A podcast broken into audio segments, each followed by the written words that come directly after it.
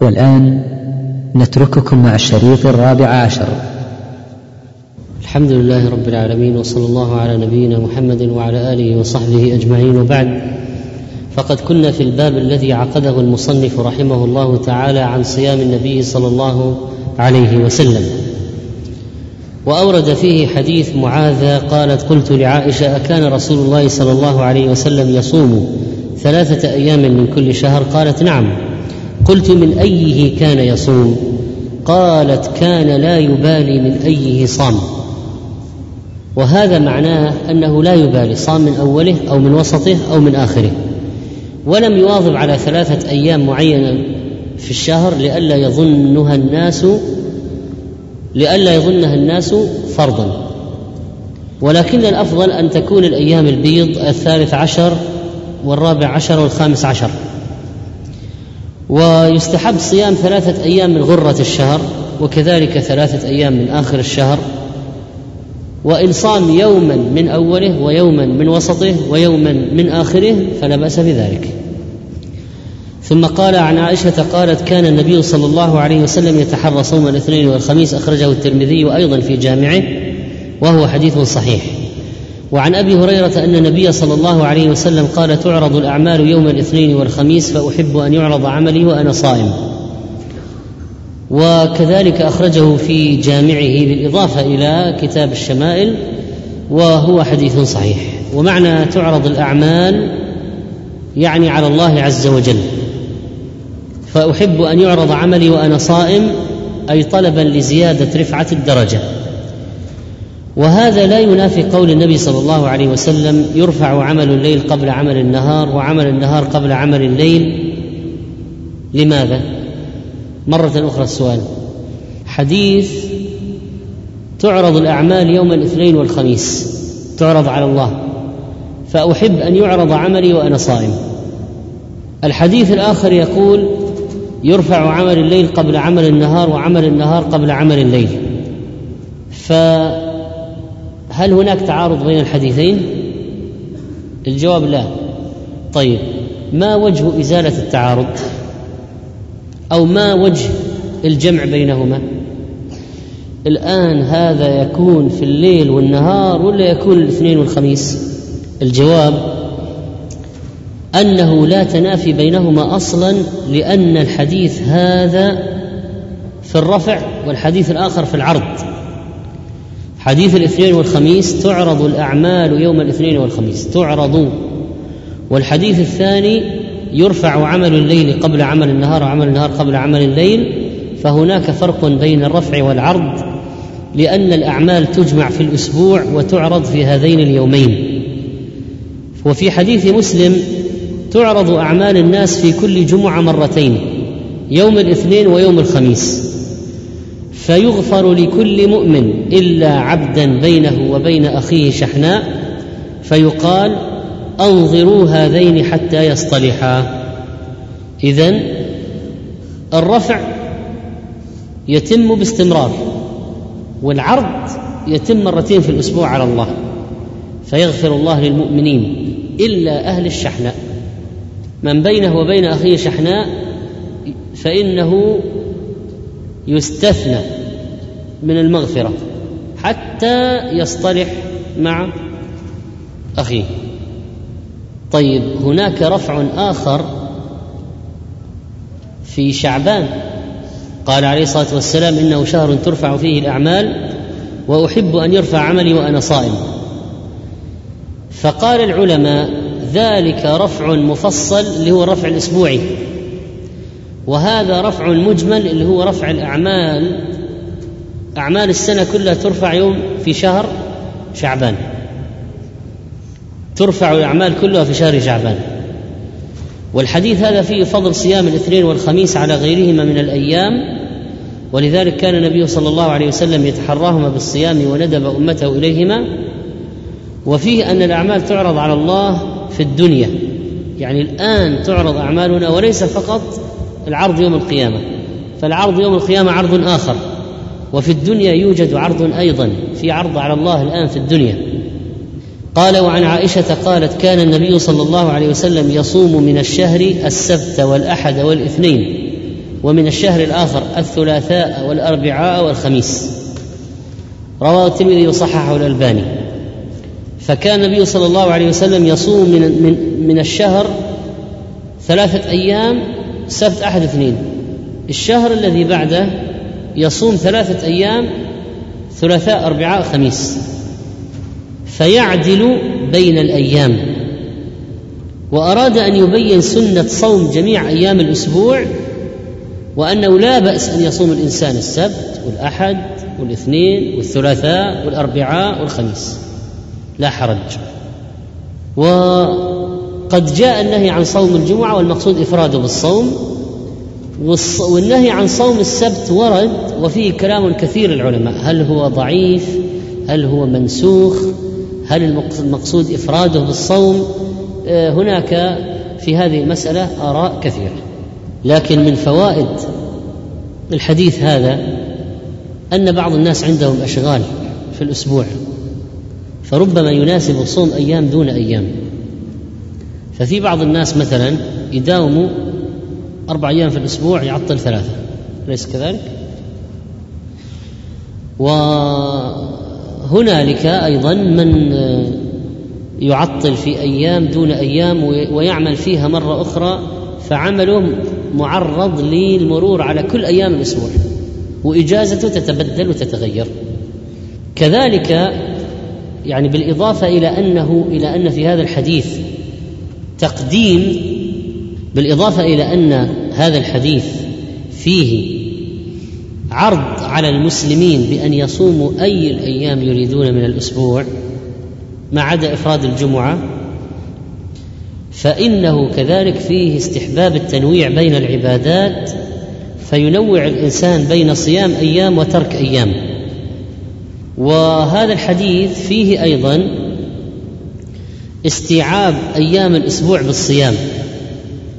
ثم قال رحمه الله تعالى عن عائشة قالت كان عاشوراء يوما تصومه قريش في الجاهلية وكان رسول الله صلى الله عليه وسلم يصومه فلما قدم المدينة صامه وأمر بصيامه فلما افترض رمضان كان رمضان هو الفريضة وترك عاشوراء فمن شاء صام ومن شاء تركه. اذا رمضان نسخ ماذا؟ لا رمضان نسخ ماذا؟ فرضية عاشوراء. لكن استحباب عاشوراء باقية. فنعم ما نقول نسخ عاشوراء. نسخ فرضية عاشوراء. فبقيت استحباب صيامه. وعاشوراء بالمد هو اليوم العاشر من محرم. كانت تصوم قريش في الجاهلية قبل بعثة النبي صلى الله عليه وسلم. قال ابن القيم رحمه الله فلا ريب أن قريشا كانت تعظم هذا اليوم. وكانوا يكسون الكعبة فيه. وصومه من تمام تعظيمه. ولما قدم النبي صلى الله عليه وسلم المدينة وجد اليهود يعظمون ذلك اليوم ويصومونه. فسألهم عنه فقالوا هو اليوم الذي نجى الله فيه موسى وقومه من فرعون. فقال النبي صلى الله عليه وسلم نحن أحق منكم بموسى. فصامه وأمر بصيامه تقريرا لتعظيمه وتأكيده. وأخبر صلى الله عليه وسلم أنه وأمته أحق بموسى من اليهود. فإذا صامه موسى شكرا لله كنا أحق أن نقتدي به من اليهود لا سيما إذا قلنا شرع من قبلنا شرع لنا ما لم يخالفه شرعنا. وفي هذا الحديث أن الكفار قد يعلمون ويعملون بعض الخيرات في جاهليتهم فيصومون وربما يتصدقون و ما أشبه ذلك ولكن هل هذا ينفعهم عند الله؟ الجواب لا ينفعهم إن لم يسلموا. فإذا أسلموا أثيبوا على ما عملوا في الجاهلية من الخير عتق صدقة كفالة يتيم صلة رحم إكرام ضيف إغاثة ملهوف. العرب في الجاهلية كان عندهم أعمال خيرية لا شك وعندهم مكارم أخلاق. لكن بدون توحيد وإسلام لا ينفعهم. ولذلك قالت ابن جدعان كان في الجاهلية يقري الضيف ويعمل ويعمل. قال هو في النار. لماذا؟ قال إنه لم يقل يوما رب اغفر لي خطيئتي يوم الدين. ما وحد الله ودعاه وحده لا شريك له. وإنما أشرك معه. ولذلك حبط عمله. ولهذا بشر النبي صلى الله عليه وسلم المسلم الجديد حكيم بن حزام رضي الله عنه. لما جاءه قال يا رسول الله أرأيت أشياء كنت أتحنث بها في الجاهلية من صدقة أو عتاقة أو صلة رحم وصلة رحم فهل فيها من أجر؟ فقال النبي صلى الله عليه وسلم أسلمت على ما أسلفت من خير. أخرجه البخاري. أسلمت على ما سلف من خير يعني على ما سبق منك من أفعال حميدة فهي قد ثبتت لك الآن في صفحة أعمالك بإسلامك وثبت أجرها لك. ومعنى قوله على ما سلف أي على ما سبق منك من فعال حميدة. فهي مسجلة لك في صحيفة أعمالك وثبت لك أجرها بعد إسلامك. وكان رسول الله صلى الله عليه وسلم يصومه قالت عائشة في الحديث يعني عن عاشوراء لعله كان يوافقهم كما في الحج كان يحج معهم. أو بإلهام من الله صادف ذلك. ففعل خيرا وافق فعل أهل الكتاب. فلما قدم المدينة صامه صلى الله عليه وسلم وأمر بالصيام فصار فرضا. اذا إيش الفرق؟ الآن نحن نسأل الآن أنا أسألكم هل كان النبي عليه الصلاة والسلام يصوم عاشوراء بمكة؟ نعم. هل كان يصوم بالمدينة؟ نعم. ما الفرق بين صيامه بمكة وصيامه بالمدينة؟ صيامه بمكة إيش حكمه؟ ما فرض عاشوراء إلا في المدينة. كان مستحبا بمكة؟ فهاجر إلى المدينة فصامه ولكن صيامه صار فرضا. ثم نسخ فرضيته نسخت ورجع الأمر إلى الاستحباب. اذا صيامه بمكة كان مستحب أو إلهام من الله. وافق أهل الكتاب. لما جاء المدينة فرض عليه. بدل قبل رمضان فرض عليه. ثم نزل صيام رمضان في السنة كم؟ فرض رمضان؟ ثانية. فنسخ صيام فرضا. فنسخ صيام عاشوراء فرضا. فرجع صيام عاشوراء إلى الاستحباب. وصار رمضان هو الفرض. قال صاحب عون المعبود اتفق العلماء على أن صوم يوم عاشوراء اليوم سنة ليس بواجب. فلما قولها في الحديث فلما افترض رمضان كان رمضان هو الفريضة وترك عاشوراء فمن شاء صامه ومن شاء تركه. يعني صارت الفريضة منحصرة في رمضان ونسخ وجوب صيام عاشوراء. قولها فمن شاء صامه أي ندبا واستحبابا. ومن شاء تركه أي لا حرج عليه. وفيه أنه يستحب صيام عاشوراء وصيام يوم بعده أو صيام يوم قبله. فإن الله يكفر بذلك ذنوب سنة كاملة. وما والتكفير هذا هل هو للصغائر ولا للكبائر أو لكليهما معا؟ الجمهور يقولون هذا التكفير للصغائر. وأما الكبائر فتحتاج إلى توبة. الصغائر تكفر بالحسنات الماحية وتكفر بالمصائب. وتكفر بالاستغفار والتوبة. الكبائر لا بد لها من توبة. فاذا ممكن الصغائر تكفر بأشياء من أعمال العبد مثل صيام عاشوراء مثل صيام عرفة. لكن إذا اجتنبت الكبائر الكبائر لا بد لها من توبة لقوله تعالى إن تجتنبوا كبائر ما تنهون عنه نكفر عنكم سيئاتكم. فالكبائر لا بد لها من توبة. فاذا قوله صيام عاشوراء يكفر سنة وصيام عرفة يكفر سنتين المقصود بها الصغائر. ثم إن من الناس من يتم الصيام كما يحب الله فيكفر كل السنة. ومنهم من يفسق في صومه ويلغو ويعصي في صيام عاشوراء وصيام عرفة فلا يتم التكفير كل السنة. ولذلك قوله صيام عاشوراء يكفر سنة صيام عرفة يكفر سنتين. إذا توفرت الشروط وانتفت الموانع. أما الكبائر فلا بد لها من توبة. طيب صيام عاشوراء يستحب فيه مخالفة أهل الكتاب بأن نصوم يوما قبله تاسعاء وهذا أفضل أو نصوم يوما بعده. فإن قال قائل ويوم قبله ويوم بعده. نقول طيب أحسن وأحسن. أصلا محرم كله مجال للصيام. لأن أفضل الصيام عند الله بعد رمضان صيام شهر الله الذي تدعونه المحرم. فإذا مهما أكثر من الصيام في محرم فهو طيب. نعم. قال وعن علقمة قال سألت عائشة أكان رسول الله صلى الله عليه وسلم يخص من الأيام شيئا؟ قبل ما نغادر حديث عاشوراء. لو صام عاشوراء يوما واحدا فقط هل يجوز؟ نعم. ففي هذه الحالة المخالفة ما حكمها؟ مستحبة. ففي مخالفة واجبة يجب أن نخالف. وفي مخالفة مستحبة. فالصلاة في النعال من قسم المخالفة المستحبة ولا المخالفة الواجبة؟ المستحبة. عدم التشبه بالكفار في أعيادهم من قسم المخالفة الواجبة ولا المستحبة؟ الواجبة. عدم الصلاة عند طلوع الشمس وعند غروبها. مخالفة للذين يعبدون الكواكب. مخالفة واجبة.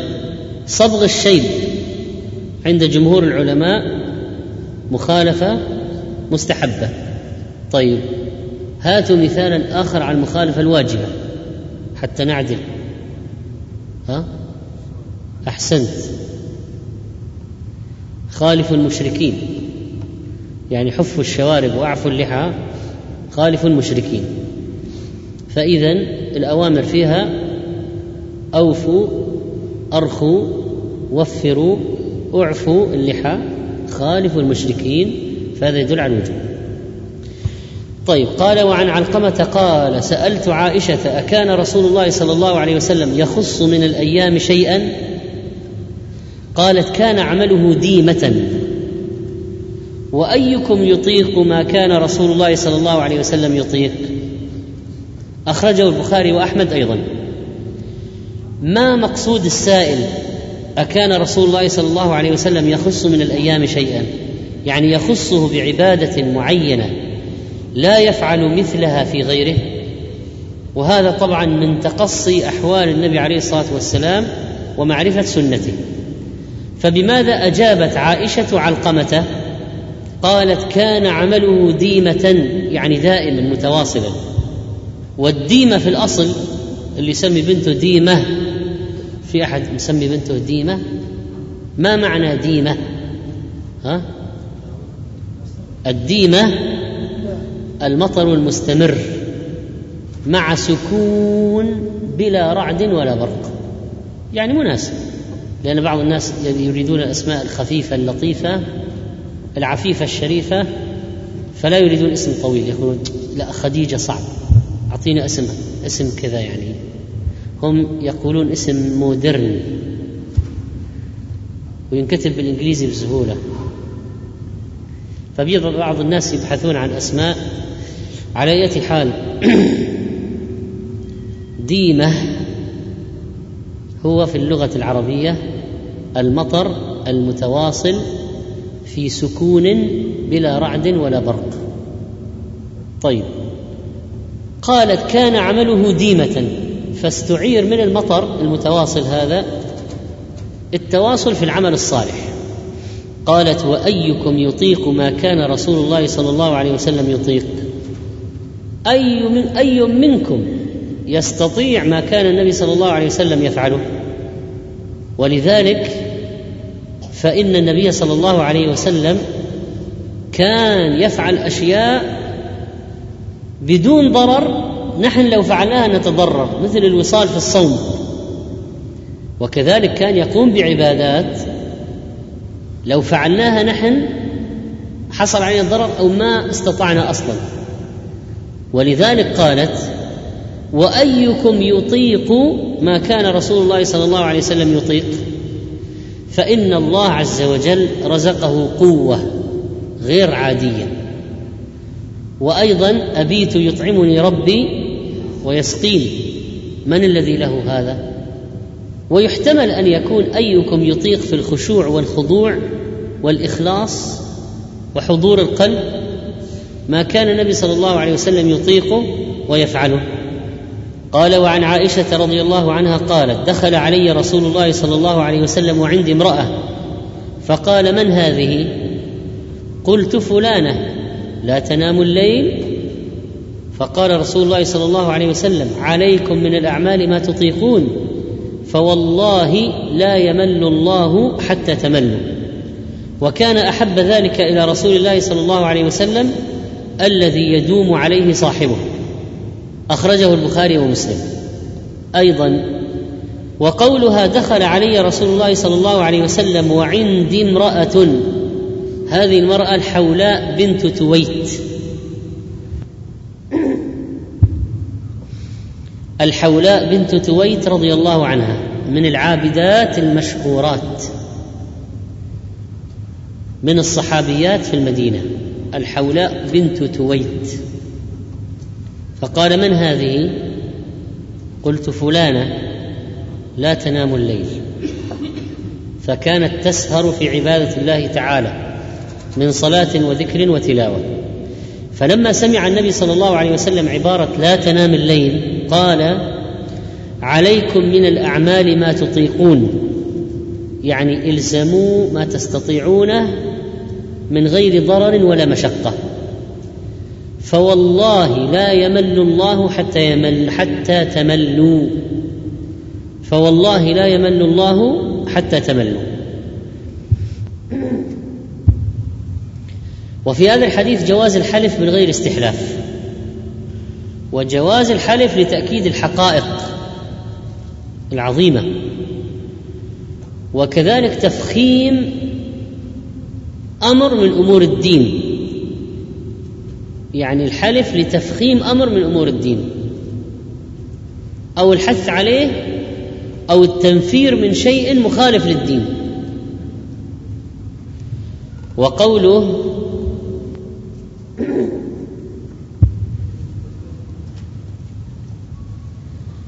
لا يمل الله حتى تملوا. إذا عملت الله يجازيك. وإذا سئم العبد من العمل ومله سيقطعه فسينقطع عنه الثواب من الله. والعبد يجازى بعمله فمن ترك عمله انقطع ثوابه وأجره. إلا إذا قطعه لعذر فإذا قطعه لعذر استمر الأجر والثواب. أما إذا قطعه لغير عذر انقطع الأجر والثواب. فمثلا صلاتك في المسجد كل يوم تصلي الصلوات. لو سافرت وما وجدت مسجد لو مرضت ولم تستطع أن تصلي في المسجد.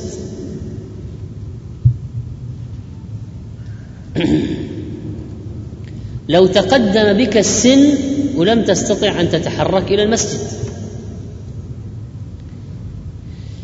ففي كل هذه الحالات الله يكتب لك أجر صلاة الجماعة في المسجد.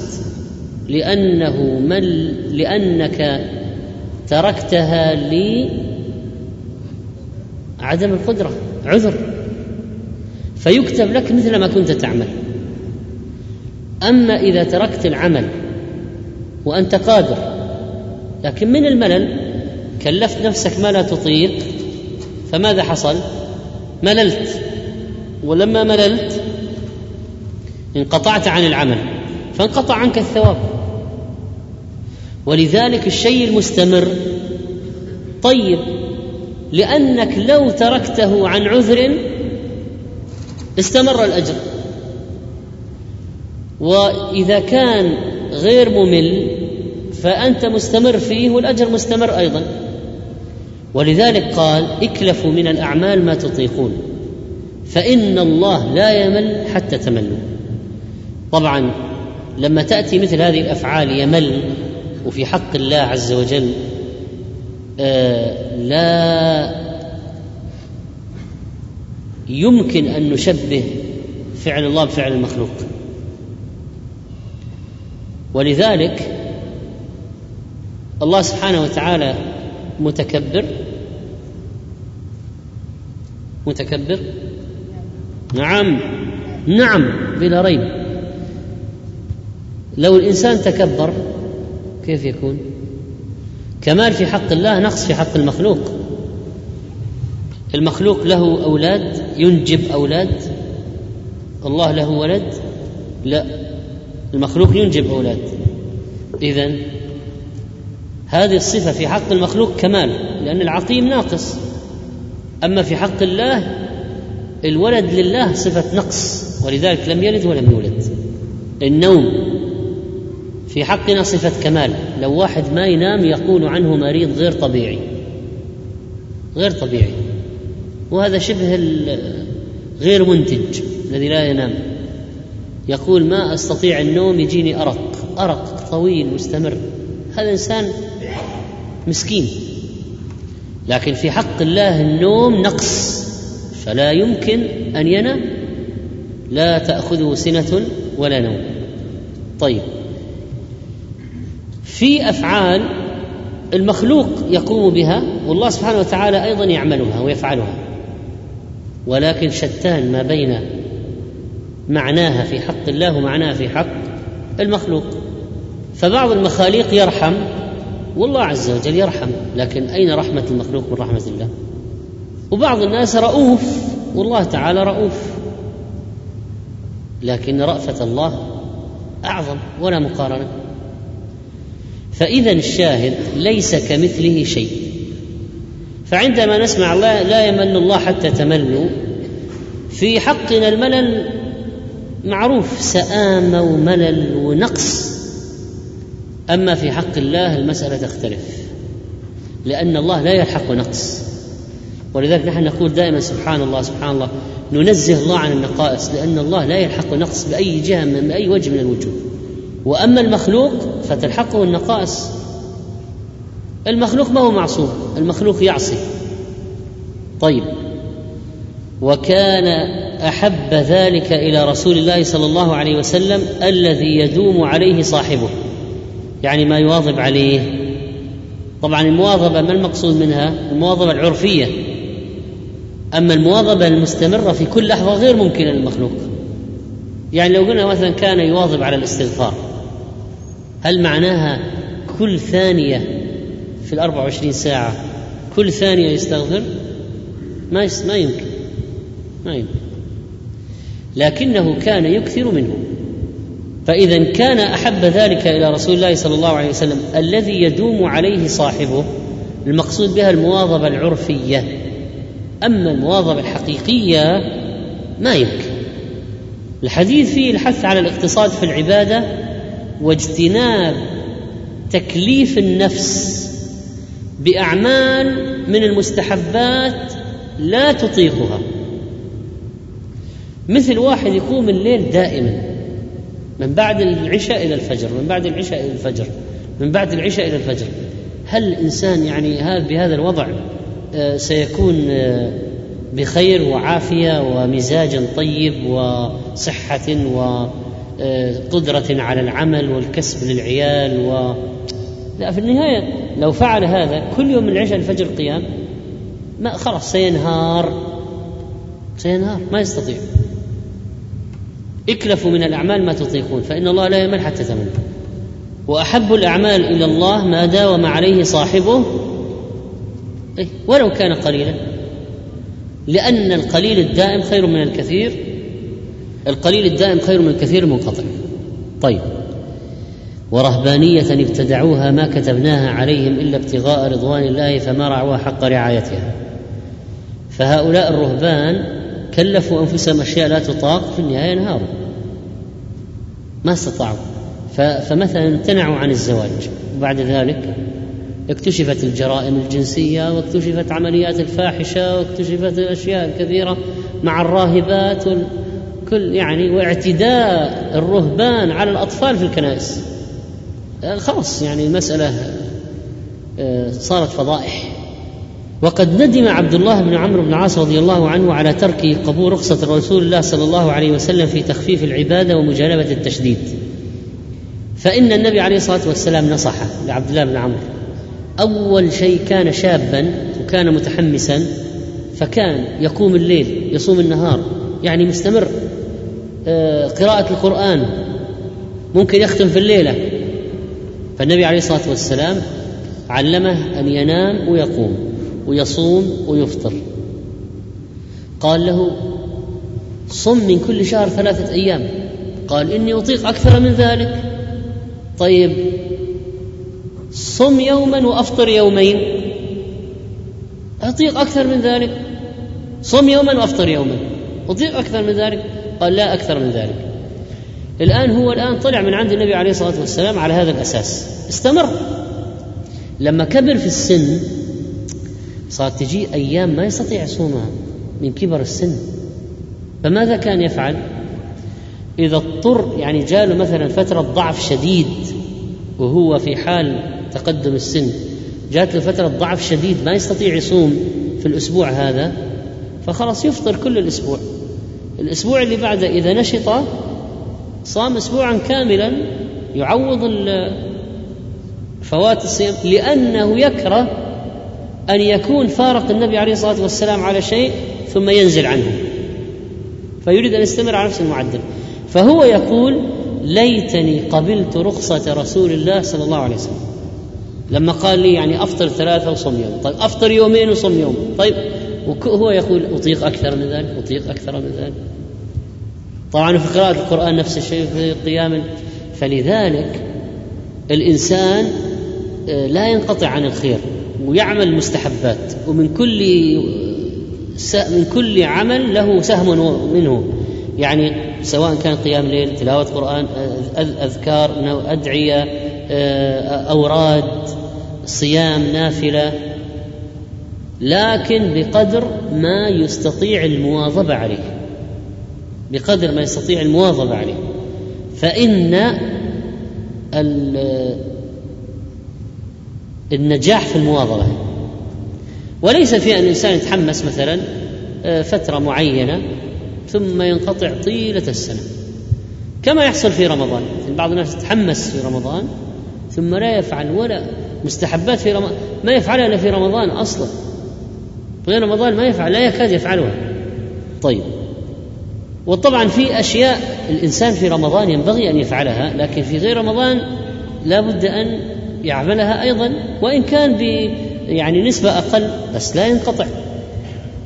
وفي هذا الحديث الحث على المداومة على العمل وأن قليله الدائم خير من كثير المنقطع وإنما كان القليل الدائم أحسن لأنه بدوامه تدوم الطاعة والذكر والصلة بالله والمراقبة والنية والإخلاص والإقبال على الخالق. فيحصل الازدياد التدريجي بعد ذلك. أما إذا انقطع انقطع الخير. وعن أبي صالح قال سألت عائشة وأم سلمة أي العمل كان أحب إلى رسول الله صلى الله عليه وسلم؟ قالتا ما ديم عليه وإن قل. أخرجه الترمذي أيضا في جامعه وحديث صحيح. ما ديم عليه يعني ما واظب عليه صاحبه وداوم. وإن قل ولو قل هذا العمل فإن الكثير ينقطع. ففي الحديث الحث على المداومة على العمل وأن العمل الدائم له ميزات. قال ابن الجوزي إنما أحب الدائم لمعنيين. أحدهما أن التارك للعمل بعد الدخول فيه كالمعرض بعد الوصول فهو متعرض لهذا ولهذا فهو متعرض لهذا ولهذا أورد الوعيد في حق من حفظ آية ثم نسيها وإن كان قبل حفظها لا تتعين عليه. والثاني أن مداوم الخير ملازم للخدمة. وليس من لازم الباب في كل يوم وقتا وليس من لازم الباب في كل يوم وقتا كمن لازم يوما كاملا ثم انقطع. يعني يقصد أن الذي دام على الخير ولو قل فهو دائما آه، يقترب من الله في هذا العمل. كل يوم يفعل ولو قليلا فهو يطيع الله في هذا العمل الذي يعمله ولو كان قليلا. فلو واحد كل يوم يقرأ عشر دقائق قرآن بس عشر دقائق. مثلا عشر دقائق هذه يسيرة. لكن كل يوم هو يقترب يعني لما يقوم بهذا العمل فهو آه، يكلم ربه بقراءة القرآن وهو يتصل بالله بقراءة القرآن وهو يعبد الله بقراءة القرآن. فلذلك هو كل يوم عنده اتصال مع الله كل يوم. لكن لو جاء كذا وختم القرآن في يوم وخلاص وعليها. معناها سيأتي اليوم الذي بعد ما في ما في صلة بالله، اليوم بعد ما في صلة بالله، اليوم بعد ما في صلة بالله، اليوم وهكذا. وليس من لازم الباب في كل يوم وقتا كمن لازم يوما كاملا ثم انقطع.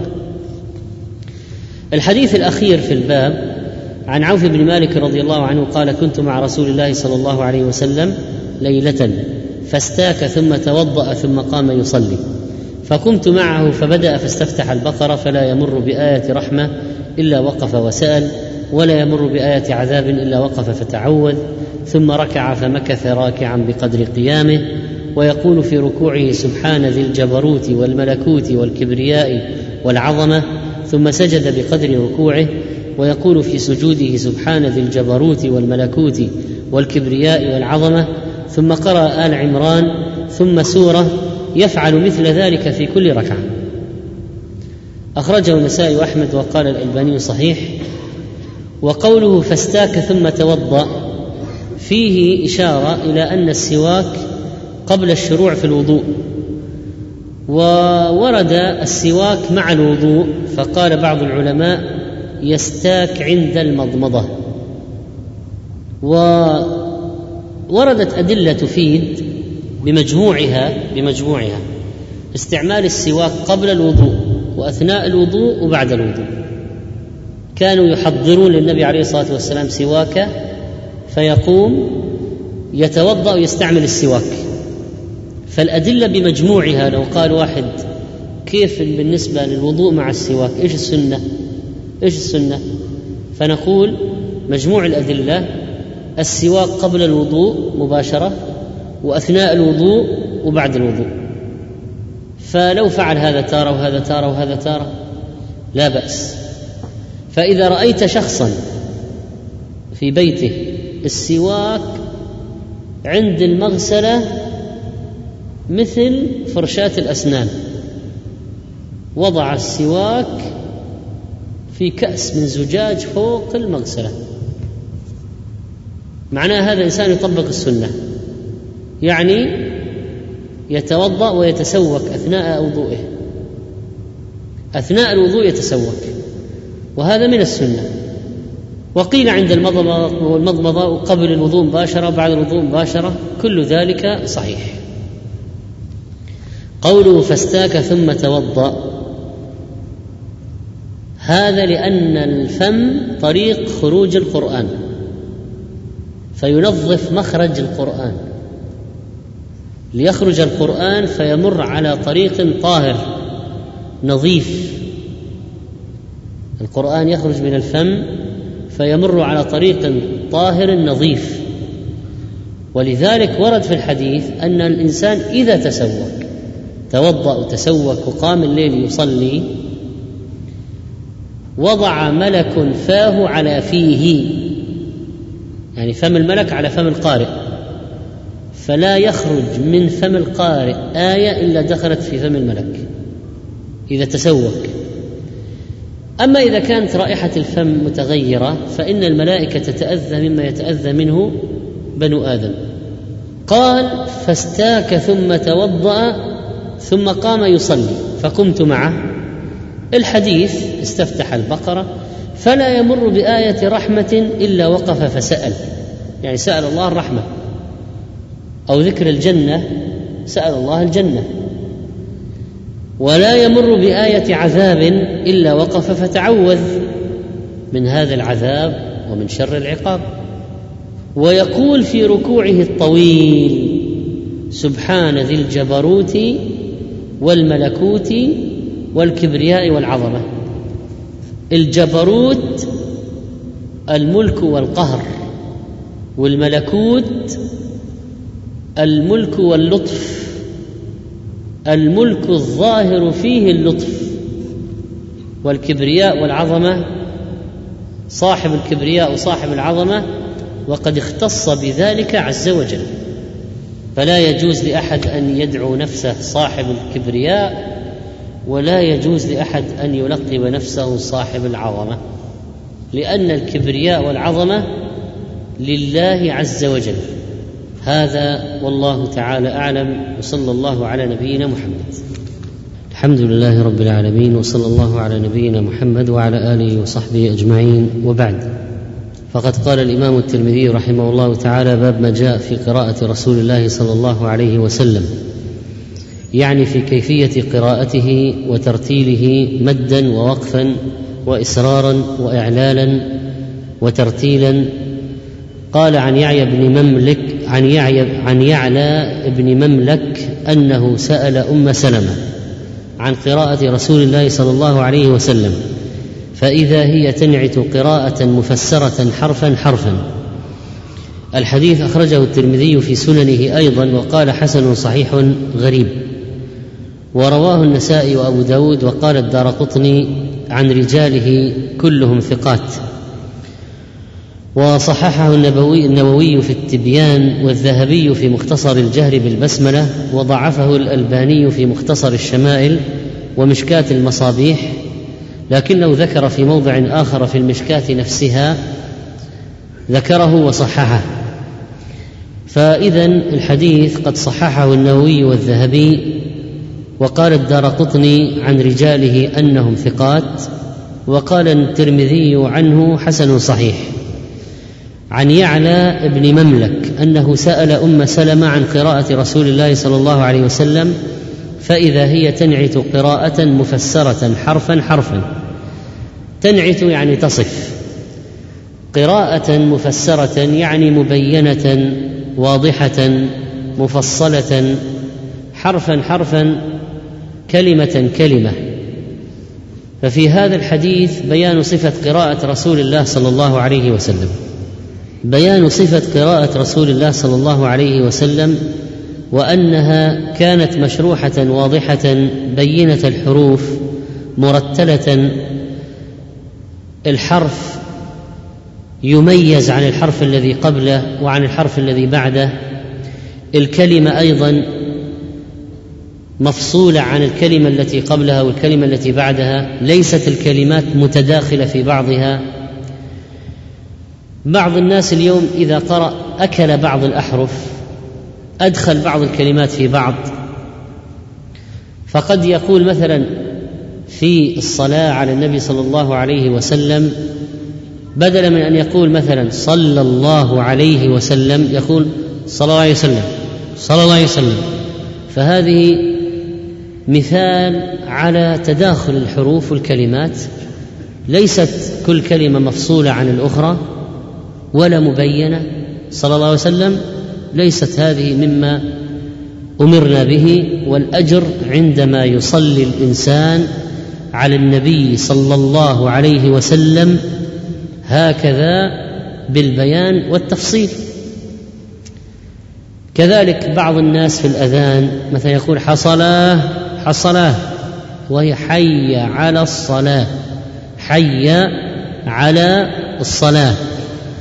هذا في الأذكار والأذان في بعض الناس في القرآن. في القرآن يدغم الكلمات في بعض بدون أن يكون هناك وجه للإدغام ويدخل الحروف في بعض ويختصر حروفا وهكذا. لما سئلت أم سلمة عن قراءة رسول الله صلى الله عليه وسلم فإذا هي تنعت قراءة مفسرة حرفا حرفا وينبغي التأسي بالنبي عليه الصلاة والسلام في الأمور وفي طريقة الكلام ومن ذلك وعلى رأسه ترتيل القرآن الكريم. لما سئلت أم سلمة عن قراءة رسول الله صلى الله عليه وسلم فإذا هي تنعت قراءة مفسرة حرفا حرفا وينبغي التأسي بالنبي عليه الصلاة والسلام. في الأمور وفي طريقة الكلام ومن ذلك وعلى رأسه ترتيل القرآن الكريم.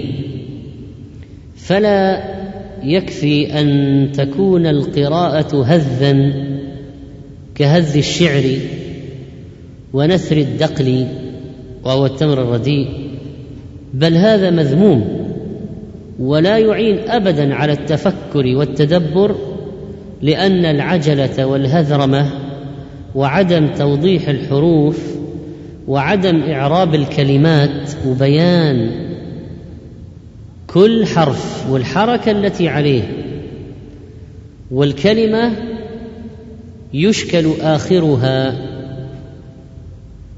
والكلمة يشكل آخرها.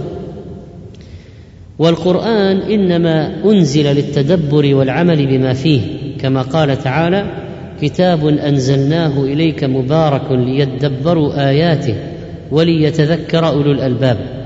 والتدبر لا يحصل بسرعة القراءة بل بالتأني وحسن الترتيل. وقد أمر الله نبيه صلى الله عليه وسلم بترتيل القرآن وأكد هذا الأمر بالمصدر في قوله ورتل القرآن ترتيلا. لم يقل له ورتل القرآن فقط وإنما قال ورتل القرآن ترتيلا. ترتيلا. فاذا هذا تأكيد. قال ابن كثير رحمه الله أي اقرأه على تمهل فإنه يكون عونا على فهم القرآن وتدبره. وقد اتفق العلماء على استحباب الترتيل. وثبت في الأحاديث الصحيحة أن قراءة النبي صلى الله عليه وسلم كانت مرتلة مفسرة وكذا قراءة السلف. وقد نهي عن الإفراط في الإسراع في القراءة ويسمى الهذ. قال العلماء أو يسمى الهذ. قال العلماء والترتيل مستحب للتدبر ولكنه أقرب إلى الإجلال والتوقير وأشد تاثيرا في القلب. وهل الأفضل الترتيل مع قلة القراءة أو السرعة مع كثرتها؟ لو قال واحد أنا عندي نصف ساعة لتلاوة القرآن يوميا. هل الأفضل أن أرتل فيها ترتيلا ببطء ولو ما قرأت إلا خمسين آية؟ أو أحذر القراءة حدرا وأقرأ مئتي آية أو مئة وخمسين آية؟ أو مئة آية يعني الضعف ضعف. فذهب ابن مسعود وابن عباس رضي الله عنهما وغيرهما إلى أن الترتيل والتدبر مع قلة القراءة أفضل من سرعة القراءة مع كثرتها لأن المقصود من قراءة القرآن فهمه وتدبره والفقه فيه والعمل به وتلاوته وحفظه وهذه كلها وسيلة إلى معانيه. وقراءة جزء بترتيل أفضل من جزئين بغير ترتيل. جاء رجل إلى ابن عباس فقال إني سريع القراءة وإني أقرأه في ثلاث. قال لأن أقرأ البقرة في ليلة فأتدبرها وأرتلها أحب إلي من أن أقرأ كما تقول. رواه البيهقي وغيره. وقال رجل لابن عباس رضي الله عنهما إني رجل سريع القراءة وربما قرأت القرآن في ليلة مرة أو مرتين. فقال ابن عباس لأن أقرأ سورة واحدة أعجب إلي من أن أفعل مثل الذي تفعل. فإن كنت فاعلا لا بد فاقرأه قراءة تسمع أذنيك أو تسمع أذنيك ويعيه قلبك. رواه البيهقي. وعن الشعبي قال إذا قرأت القرآن فاقرأه قراءة تسمع أذنيك ويفقه قلبك. مرة أخرى جاء رجل إلى ابن عباس رضي الله عنه فقال إني رجل سريع القراءة وربما قرأت القرآن في ليلة مرة أو مرتين. فقال ابن عباس لأن أقرأ سورة واحدة أعجب إلي من أن أفعل مثل الذي تفعل. فإن كنت لا فاعلا لا بد فإن كنت فاعلا لا بد فاقرأه قراءة تسمع أذنيك ويعيه قلبك. أخرجه البيهقي. وعن الشعبي قال إذا قرأت القرآن فاقرأه قراءة تسمع أذنيك ويفقه قلبك فإن الأذن عدل بين اللسان والقلب. أخرجه ابن المبارك في الزهد. قال الإمام الآجري رحمه الله والقليل من الدرس للقرآن مع الفكر فيه وتدبره أحب إلي من كثير من القرآن بغير تدبر ولا تفكر. فظاهر القرآن يدل على ذلك والسنة وأقوال أئمة المسلمين. لماذا أنزله الله؟ ليدبروا آياته. فكيف سيحصل التدبر مع السرعة المفرطة في القراءة؟ ولذلك بعض الناس يقول لك إذا قرأنا كمية أكثر أحسن. لأن الحرف حسنة بعشر حسنات إلى أضعاف كذا. فالآن أنا قرأت ألف آية أحسن. فيغفل عن ماذا؟ يغفل عن أجر التدبر. فهو يقارن بين صفحتين وصفحة. ويقول لك أجر صفحتين أكثر من أجر صفحة. وينسى في هذه المقارنة أمرين عظيمين. اولا أجر الترتيل. الآن أنت عندك طريقة الحدر والإسراع وعندك طريقة الترتيل والترسل. فالحدر له أجر لكن الترتيل له أجر أكبر لأن المأمور به في القرآن ورتل القرآن ترتيلا. ثانيا أجر التدبر. فالتدبر الحاصل مع القراءة البطيئة المترسلة المتأنية أكبر من الأجر الحاصل أكبر من التدبر الحاصل مع القراءة المستعجلة والسريعة. أصلا القراءة السريعة ليست مجالا للتدبر ممكن تكون القراءة السريعة للحفظ. إذا واحد مطالب بحفظ فممكن يقرأ قراءة سريعة عشر مرات عشرين مرة ليحفظ. لكن إذا كان يريد أن يتدبر القراءة السريعة لا تعين على التدبر. القراءة القراءة المترسلة المتأنية الترتيل هو الذي يعين على التدبر. وقال بعضهم كثرة القراءة أفضل واحتجوا بحديث ابن مسعود رضي الله عنه قال قال رسول الله صلى الله عليه وسلم من قرأ حرفا من كتاب الله فله به حسنة والحسنة بعشر أمثالها لا أقول ألف لام ميم حرف ولكن ألف حرف ولام حرف وميم حرف رواه الترمذي. قالوا يعني أصحاب مذهب الإسراع في القراءة أنه أفضل لأنه أكثر أجرا. قالوا ولأن عثمان بن عفان قرأ القرآن في ركعة وذكروا آثارا عن كثير من السلف في كثرة القراءة. وينبغي أن نقول هنا أيضا إن عثمان وغيره من الذين كانوا يسرعون في القراءة أحيانا كانوا يفهمون فقد قرأ بالتأكيد من قبل قراءات مترسلة ومتدبرة ففهم فهم معناه. ولذلك إسراعه فيه للحفظ أو تثبيت الحفظ أو لأجل مزيد من الأجر في التلاوة ما كان عن عدم تدبر وعدم فهم بل هو عنده علم وفهم. والشافعي مثلا ممكن يقرأ القرآن في ليلة لكن كم قرأه من قبل عن ترسل وتدبر وفهم معناه أو معانيه؟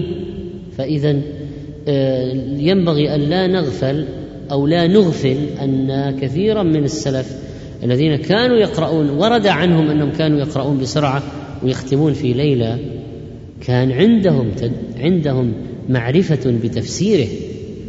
بخلاف كثير منا اليوم يسرع وما عنده معرفة بتفسيره طيب بعض الناس ربما يتوسط ويقول الأصل الترتيل أفضل لأنه أعون على التدبر لكن إذا الإنسان كان عنده نصيب من التدبر ومعرفة التفسير ومر على معاني القرآن لما تأتي بعض المواسم مثل ليالي رمضان فهو ربما يسرع فيه في الاعتكاف لأجل إنهاء يعني ختمات كثيرة وللحفظ أيضا ربما يقرأه مرات كثيرة مسرعا ليحفظ ويثبت الحفظ. مع أنه في أحيان أخرى من السنة يقرأه بترسل وتأني وسبق ضبطه على شيخ وقرأه بترتيل وسبق عرف تفسيره ومر على تفسير القرآن فمثل هذا يقبل مثل هذا يقبل. يعني إن له أحوال في السنة يقرأ بترتيل وله أحوال مثلا أحيانا في الاعتكاف أو في آه، بعض أيام رمضان يريد أن أن ينهي أكثر من ختمة. فهو لذلك يحذر القراءة. قال ابن القيم رحمه الله والصواب في المسألة أن يقال إن ثواب قراءة الترتيل والتدبر أجل وأرفع قدرا. وثواب كثرة القراءة أكثر عددا. فالأول كمن تصدق بجوهرة عظيمة أو أعتق عبدا قيمته نفيسة جدا. والثاني كمن تصدق بعدد كثير من الدراهم أو أعتق عددا من العبيد قيمتهم رخيصة. فضرب لها مثلا قال إذا أردنا أن نقارن قارن بين واحد تصدق بجوهرة مرة واحدة جوهرة نفيسة جدا وواحد تصدق بعشر آلاف مثلا. وعن قتادة قال قلت لأنس بن مالك كيف كانت قراءة رسول الله صلى الله عليه وسلم؟ قال مدا. الحديث أيضا رواه البخاري بلفظ يمد مدا. وسئل أنس في هذا الحديث من قبل قتادة عن وصف قراءة النبي عليه الصلاة والسلام بالنسبة للمد هل هي ممدودة أو مقصورة؟ قال مدا أي ذات مد والمراد به تطويل النفس في حروف المد واللين وفي الفصول والغايات والمعنى أنه كان يمكن الحروف ويعطيها أكمل حقها من الإشباع ولا سيما في الوقف الذي يجتمع فيه الساكنان العالمين. الرحيم. اجتمعت الياء الساكنة مع الميم والياء الساكنة مع النون. هذه المدود ومد اللين المد اللازم المد الكلمي المد الحرفي المد المتصل المد المنفصل مد التعظيم. فالمدود ولا سيما في الوقف الذي يجتمع فيه الساكنان فيجب المد لذلك. وليس المراد المبالغة في المد بغير موجب كما يفعل بعض المؤذنين. فإنه إذا أذن حي على الصلاة. الصلاة هذه فيها طلوع نزول وهبوط وصعود قمم جبال قيعان ووديان ومنحنيات ومنعطفات. إيه يعمد 14 حركة. فهذا مد في غير موضعه. وبعض الذين يقرؤون أيضا القرآن يمد في غير موضعه. أصلا الفتحة حركة. إذا سويتها حركتين صارت ألف. تغير المعنى. فأحيانا المد البسيط يقلب المعنى. هاتوا مثالا على هذا. مد بسيط يغير المعنى. هم؟ ممكن. هذا مثال يعني قال واحد قال كذا كذا. واحد قال. لو مديت قل الفتحة هذه قال صاروا اثنين؟ قال أيوه. يعني هذا إذا اختصرت المد. يتغير المعنى. نحن الآن نريد إذا ما مد إذا مديت العكس. شيء ما في مد. إذا مددته تغير المعنى. شيء ما في مد. إذا مددته تغير المعنى. يعني المقصود المد في غير موضع المد. هذا من أخطاء بعض الناس. وفي رواية للبخاري عن قتادة أنه سأل انسا كيف كانت قراءة النبي صلى الله عليه وسلم؟ فقال كانت مدا. ثم قرأ بسم الله الرحمن الرحيم. يمد بسم الله ويمد الرحمن ويمد بالرحمن. يمد ببسم الله ويمد بالرحمن ويمد بالرحيم. فلو واحد قال بسم الله إيش اسمك أنت؟ يقول عبد الله لا اسمي عبد الله أنا عبد الله عبد الله إيش؟ عبد الله هي المد في لفظ الجلالة. هذه من اخطاء طبعا الشائعة. اسم الأخ؟ عبد الله عبد الله. هي عبد الله. فيها مد. طيب الرحمن هذا مد طبيعي. لكن لو قال واحد الرحمن الرحمن. يعني بدل الألف صارت فتحة. يمكن تطلع كلمة فارسية مثل بهمن ورحمن. فإذا عدم المد في موضع المد ممكن يغير المعنى يحرف المعنى. قال كان يمد ببسم الله ويمد بالرحمن ويمد بالرحيم. فإذا هذا فيه بيان المد الطبيعي أيضا. قال ابن حجر رحمه الله المد عند القراءة على ضربين أصلي وهو إشباع الحرف الذي بعده ألف أو واو أو ياء. وغير أصلي وهو ما إذا أعقب الحرف الذي هذه صفته همزة. وهو متصل ومنفصل. فالمتصل ما كان من نفس الكلمة والمنفصل ما كان بكلمة أخرى. فالأول يعني الأصلي الذي هو إشباع الحرف الذي بعده ألف أو واو أو ياء. ما هو همزة؟ ألف أو واو أو ياء. قال فالأول يؤتى فيه بالألف والواو والياء ممكنات من غير زيادة. والثاني يزاد في تمكين الألف والواو والياء زيادة على المد الذي لا يمكن النطق بها إلا به من غير إسراف. والمذهب الأعدل أنه يمد كل حرف منها ضعفي ما كان يمده أولا وقد يزاد على ذلك قليلا وما أفرط فيه فهو غير محمود.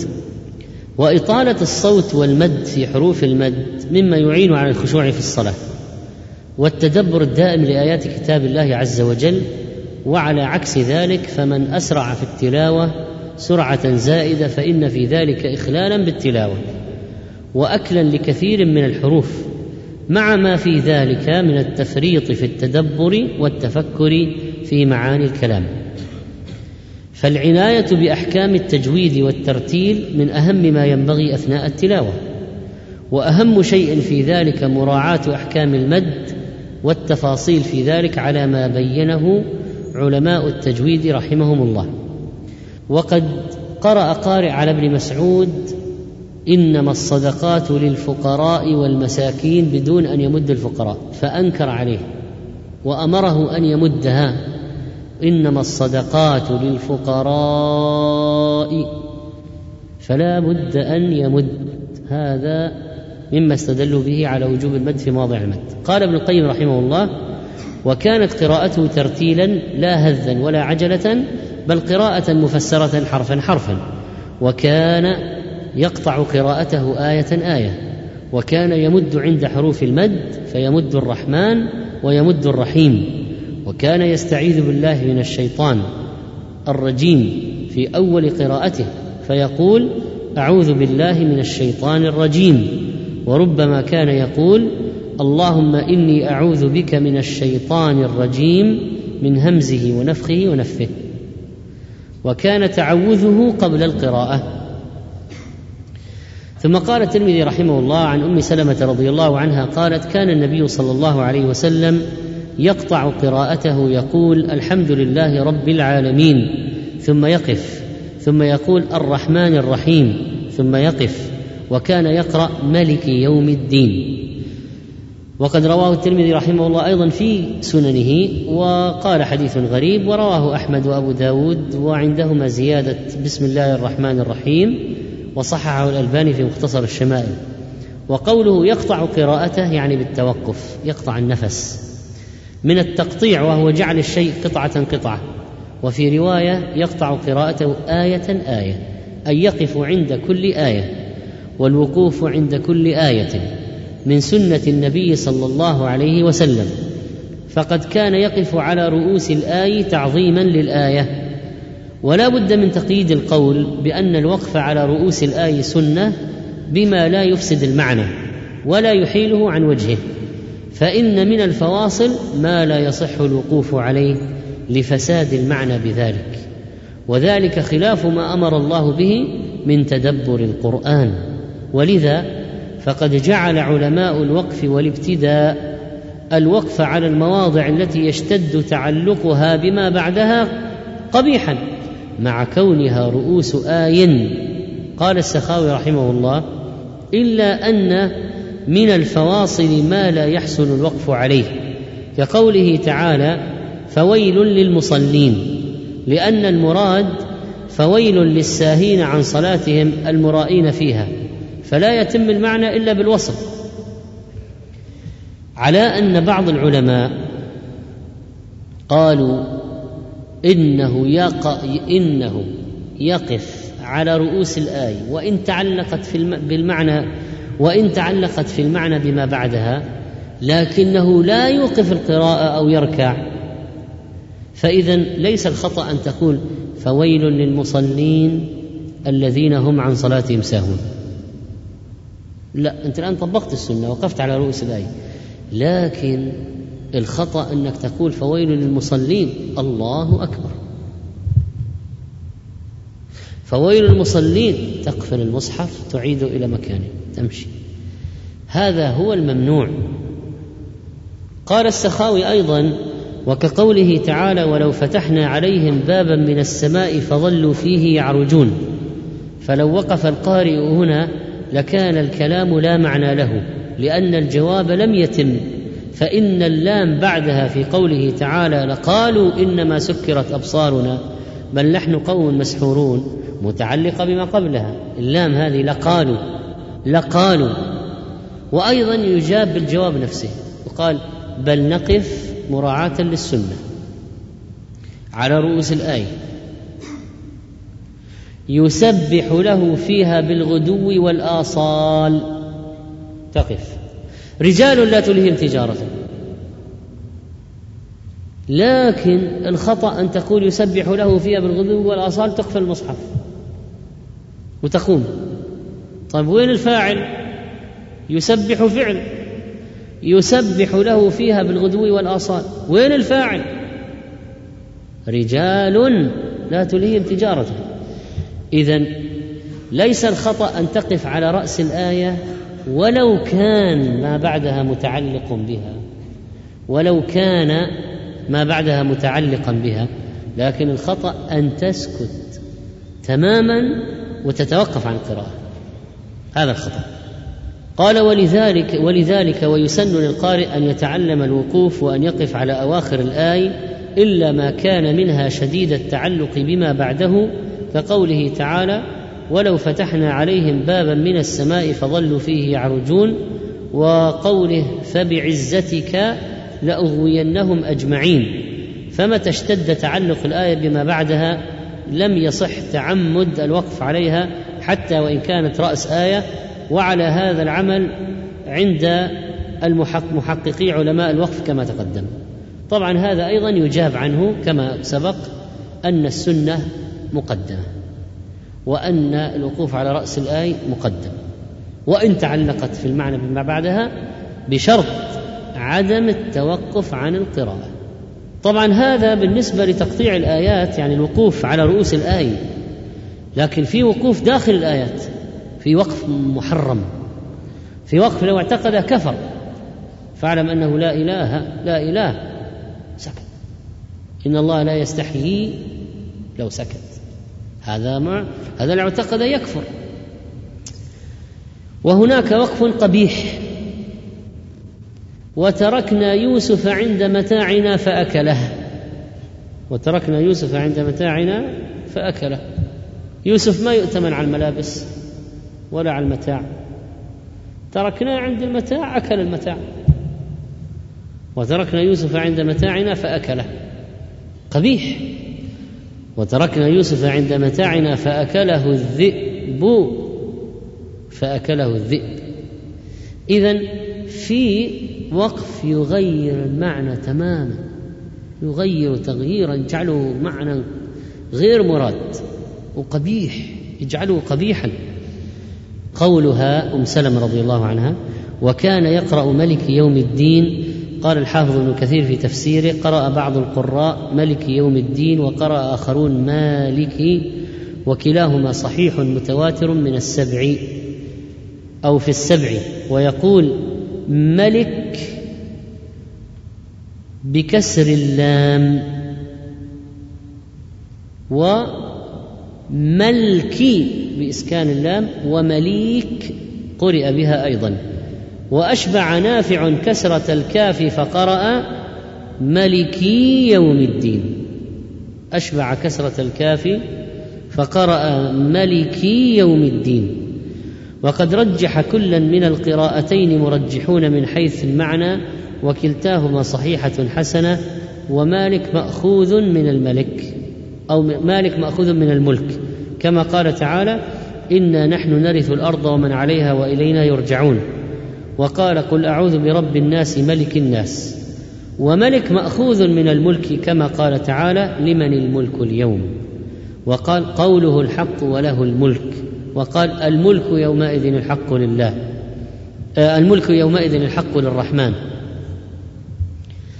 قال وعن عبد الله بن أبي قيس قال سألت عائشة عن قراءة النبي صلى الله عليه وسلم أكان يسر بالقراءة أم يجهر؟ قالت كل ذلك قد كان يفعل. قد كان ربما أسر وربما جهر فقلت الحمد لله الذي جعل في الأمر سعة. رواه الترمذي وأحمد في المسند وأبو داود وابن ماجه وصححه الألباني. سألت عائشة من الذي يتكلم؟ عبد الله؟ ابن أبي قيس. سألت عائشة عن قراءة النبي صلى الله عليه وسلم يعني قراءته في الليل في قيام الليل. طبعا في هذه الرواية غير مقيد بزمن لكن الترمذي أورده في سننه فقال سألت عائشة كيف كانت قراءة النبي صلى الله عليه وسلم بالليل؟ أكان يسر بالقراءة أم يجهر؟ يخفي أم يرفع صوته بحيث يسمع من يليه. قال النووي رحمه الله واعلم أن الإصرار في القراءة والتكبيرات وغيرهما من الأذكار هو أن يقوله بحيث يسمع نفسه ولا بد من نطقه بحيث يسمع نفسه إذا كان صحيح السمع ولا عارض له فإن لم يسمع نفسه لم تصح قراءته ولا غيرها من الأذكار بلا خلاف. فلو واحد وقف في الصلاة يصلي الظهر مثلا وهو مطبق شفتيه. الله أكبر. إلى الركوع وركع. لا تصح صلاته. لأنه ما قرأ. ممكن يستعرض الفاتحة في ذهنه استعرض لكن تخيل الفاتحة لكن ما قرأ. فإذا يسمع نفسه فقط وليس يسمع الناس يسمع نفسه. فإذا في حركة الحمد لله رب العالمين.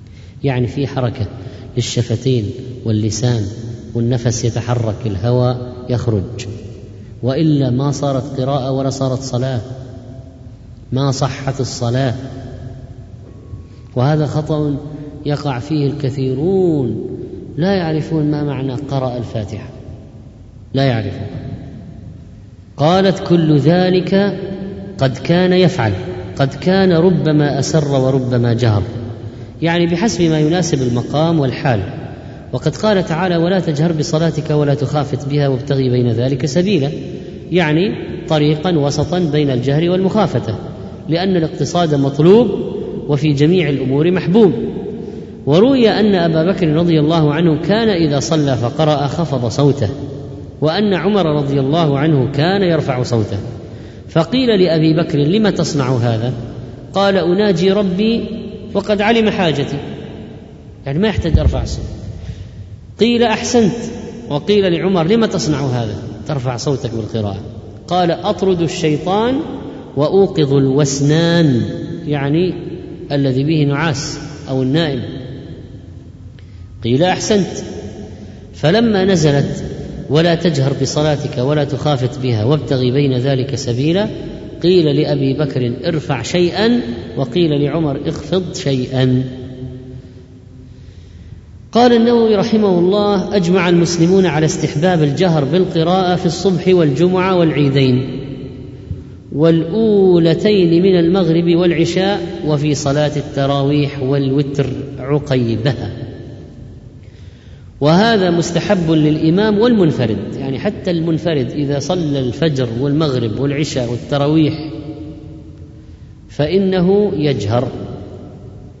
أما المأموم فلا يجهر بالإجماع ويسن الجهر في صلاة كسوف القمر وخسوف الشمس وصلاة الاستسقاء.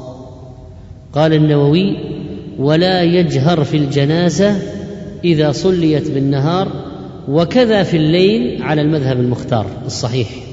لا يجهر. ولا يجهر في نوافل النهار غير ما ذكرناه من العيد والاستسقاء. و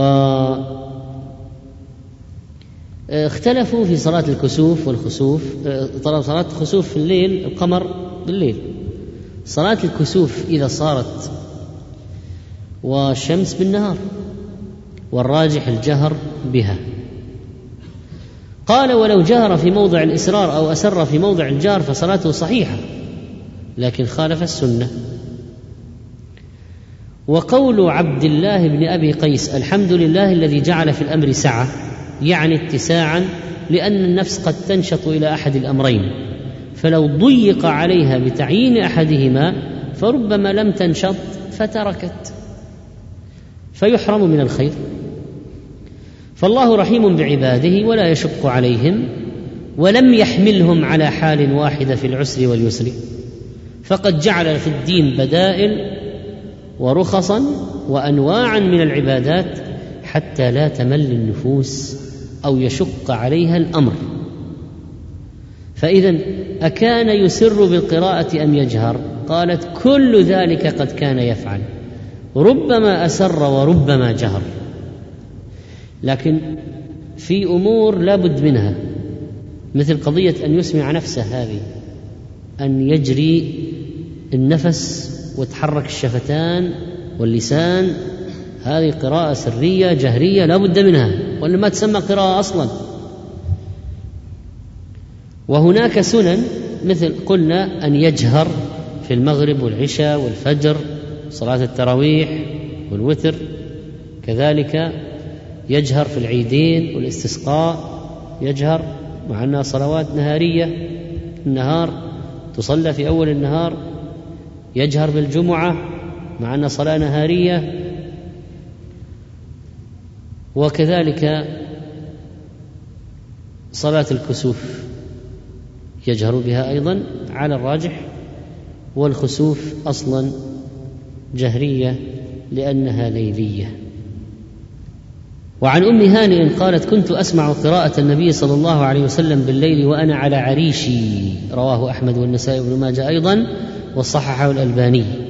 والعريش كل ما يستظل به ويطلق على بيوت مكة لأنها كانت عيدانا تنصب ويظلل عليها. فيقال هذه بيوت العريش أو كانت بيوتهم عبارة عن عريش أو يسكنون في عريش.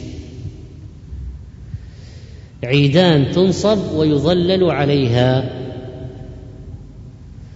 وقيل هو السرير الذي ينام عليه. وقد جاء في رواية أحمد ما يدل على أن ذلك الاستماع كان بمكة عن أم هانئ رضي الله عنها قالت أنا أسمع قراءة النبي صلى الله عليه وسلم في جوف الليل وأنا على عريشي هذا وهو عند الكعبة. فهذا يدل على مشروعية الجهر بالقراءة لأن ذلك أدعى للخشوع والتدبر ولأن نفع الجهر يتعدى للغير ممن كان يستمع سواء من صالحي الإنس والجن. ولذلك لو أذن المؤذن فإنه يشهد له يوم القيامة كل من سمعه من جن وإنس وشجر وحجر وملك. فبعض الناس إذا جهر بالقراءة قد يفوته أنه يستفيد من قراءته الآن بعض الجن. ففيهم صالحون ومسلمون ومصلون ويصلون مع الجماعة ويحضرون الدروس فقراءة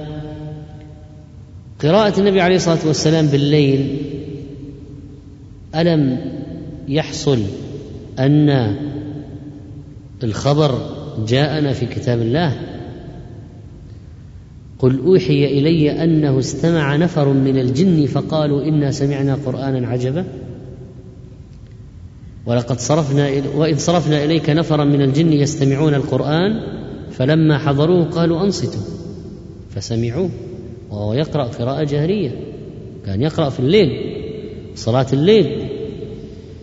فإذا الجهر بالقراءة أدعى للخشوع والتدبر وينفع الغير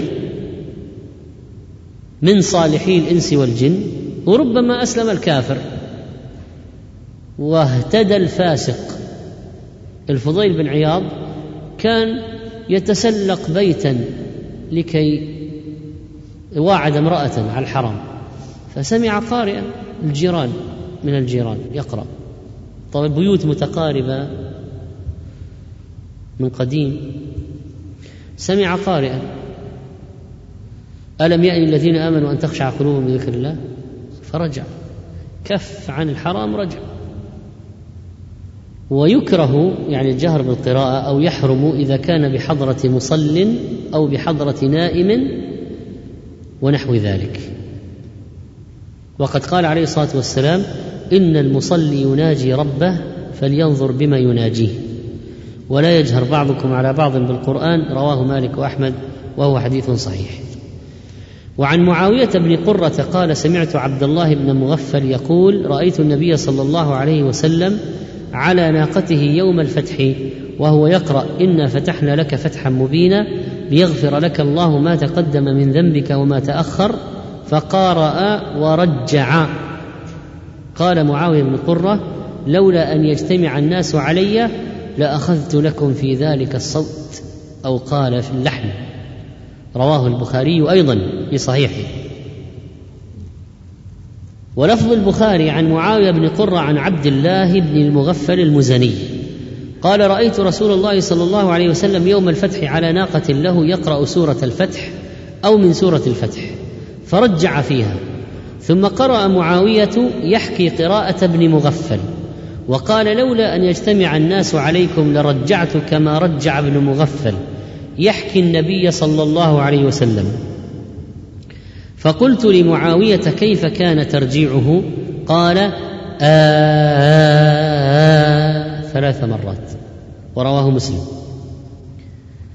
عبد الله بن مغفل المزني صحابي جليل من أهل بيعة الرضوان كان أحد البكائين الذين نزل فيهم قول الله تعالى ولا على الذين إذا ما أتوك لتحملهم قلت لا أجد ما أحملكم عليه تولوا وأعينهم تفيض من الدمع حزنا ألا يجدوا ما ينفقون. وكان عبد الله بن مغفر رضي الله عنه أحد العشر الذين بعثهم عمر رضي الله عنه إلى البصرة ليفقهوا الناس. وعبد الله بن مغفر رضي الله عنه هو اول من دخل مدينة تستر حين فتحها المسلمون وقد روى عن النبي صلى الله عليه وسلم نحو من ثلاثة وأربعين حديثا. وتوفي بالبصرة سنة ستين للهجرة وصلى عليه أبو برزة الأسلمي رضي الله عنه بوصية من عبد الله. وقول رأيت النبي صلى الله عليه وسلم راكبا على ناقته العضباء يوم الفتح فتح مكة وهو يقرأ إنا فتحنا لك فتحا مبينا الآية. كان صلى الله عليه وسلم يلازم العبادة ويقرأ القرآن حتى في طريق السفر حتى وهو على دابته فقرأ سورة الفتح كاملة. كما في البخاري. ورجع والترجيع يطلق على عدة معاني ومنها ترديد القارئ للحرف في الحلق. آه آه آه. مثلا ترديد هذا الترجيع الذي يحدث في الحلق.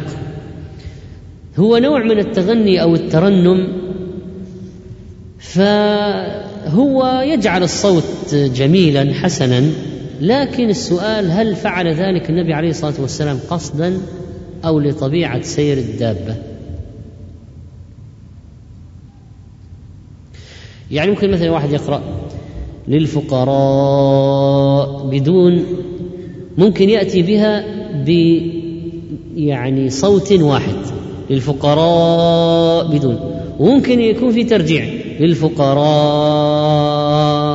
مثلا. هل هذا الترجيع مقصود؟ هل كان مقصودا في قراءة النبي صلى الله عليه وسلم؟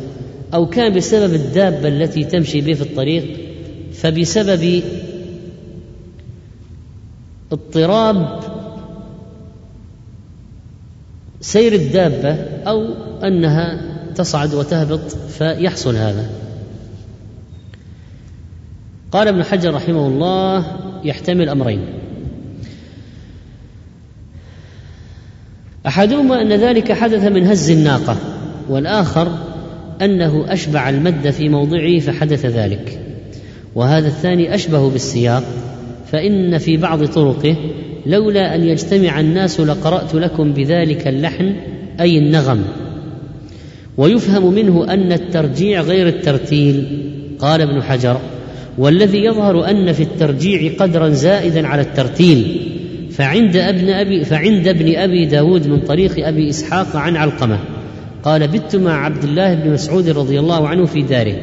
فنام ثم قام. فكان يقرأ قراءة الرجل في مسجد حيه. لا يرفع صوته ويسمع من حوله. ويرتل ولا يرجع. واللحن قيل بمعنى الصوت وقيل بمعنى النغم. ويقال لحن في قراءته إذا طرب. أو طرب.